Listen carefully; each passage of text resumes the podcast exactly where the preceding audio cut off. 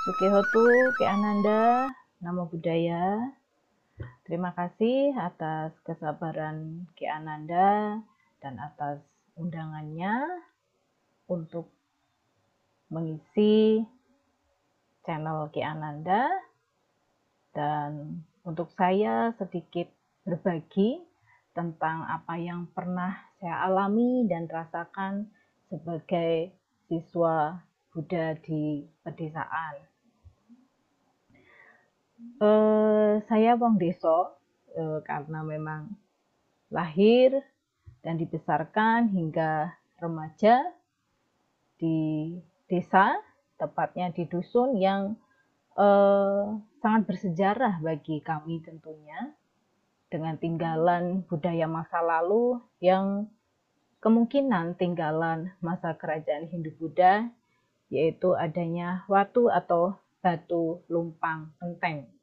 Dan di situlah eh, saya dilahirkan di desa Kenteng.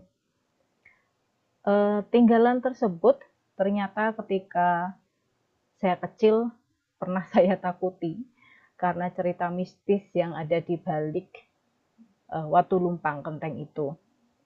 Dan saya baru tahu bahwa waktu itu bernilai eh, bersejarah ya bernilai sejarah dan saya tahunya ketika umur saya hampir berkepala empat. Dan mungkin kalau boleh dibilang ternyata saya orang yang tidak sadar sejarah terhadap desa saya sendiri. Eh, dan di dusun itulah saya dibesarkan hingga remaja. Di dusun itu juga kenangan dan pengalaman saya sebagai siswa atau pengikut Buddha terbentuk dan berkesan bagi saya meskipun dengan pemahaman Buddha Dharma yang masih minim ketika itu. Mungkin sampai sekarang pun masih minim. Karena itu proses perjalanan hidup saya sampai di sini dan saat ini dipengaruhi oleh pengalaman ketika saya masih di desa. Karena itu, eh, karena kondisi saya sebagai pribadi, juga kondisi siswa Buddha lainnya di desa, serta dorongan keluarga membentuk kesadaran diri saya untuk terus menjadi seorang pembelajar. Dan atas proses tersebut, aspirasi saya adalah untuk mendedikasikan dan mengabdikan diri pada Buddha Dharma dan bangsa, khususnya bidang pendidikan, dengan gaya saya dan bukan gaya orang lain. Dan menjadi guru agama sebenarnya bukanlah cita-cita saya, tapi pembelajaran hidup saya sebagai bagian dari agama Buddha mengantarkan saya untuk terus belajar hingga saya menjadi guru agama hingga saat ini, meskipun uh, di jenjang yang berbeda. Dan sebagai wong deso, saya tidak akan lupa dengan budaya dan identitas bahwa saya ini wong deso bukan hanya dari desa atau dusun saya, tapi dari desa mana saja. Karena itu, dengan gaya saya, saya berharap sedikit, sangat sedikit bisa memberi manfaat untuk siswa Buddha di pedesaan. Demikian juga saya dan saya yang lain dapat memberi manfaat untuk agama Buddha di desanya sendiri. Itu adalah harapan saya dan juga bisa memberi harapan serta manfaat untuk siswa Buddha lain di desa-desa lain. Dengan kata lain, kita semua siswa Buddha akan bermanfaat untuk masyarakat pedesaan eh, jika kita melalui tangan-tangan kita dengan potensi kita dan gaya masing-masing, bukan dengan menuntut atau menanyakan bantuan dari pihak lain.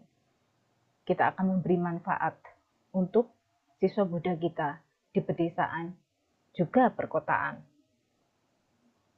Mungkin ada yang bertanya, mengapa saya men, e, secara pribadi ataupun saya bagi semua siswa Buddha harus bermanfaat bagi agama Buddha di pedesaan?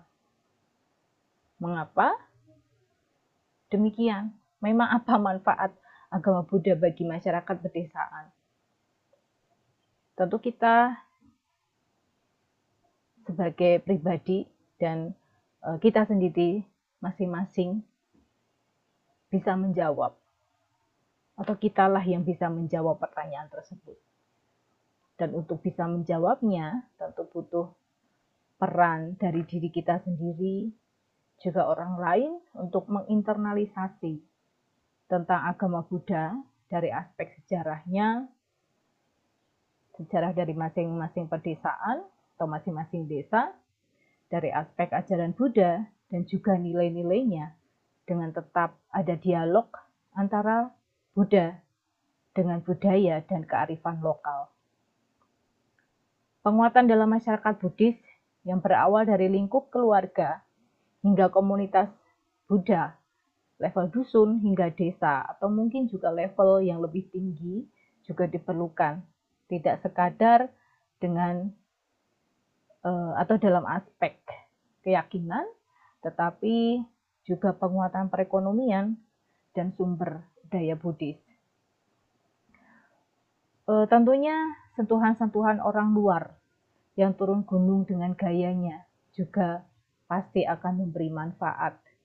Dan harapan agama Buddha dapat memberi manfaat juga secara spiritual dalam hubungannya siswa Buddha dengan Tiratana, dengan sesamanya, juga dengan alam semesta.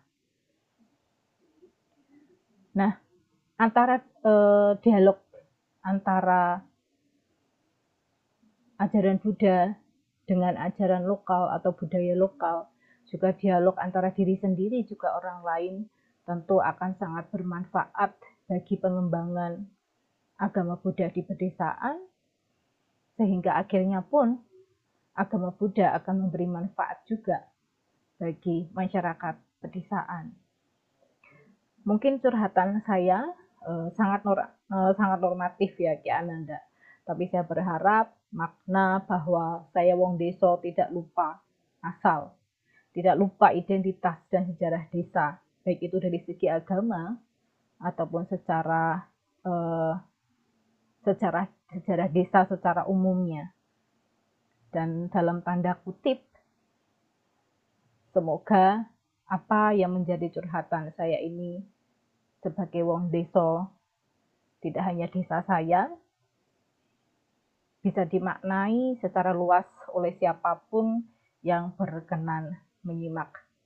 Terima kasih, semoga bermanfaat. Sikihotu Namo Buddhaya.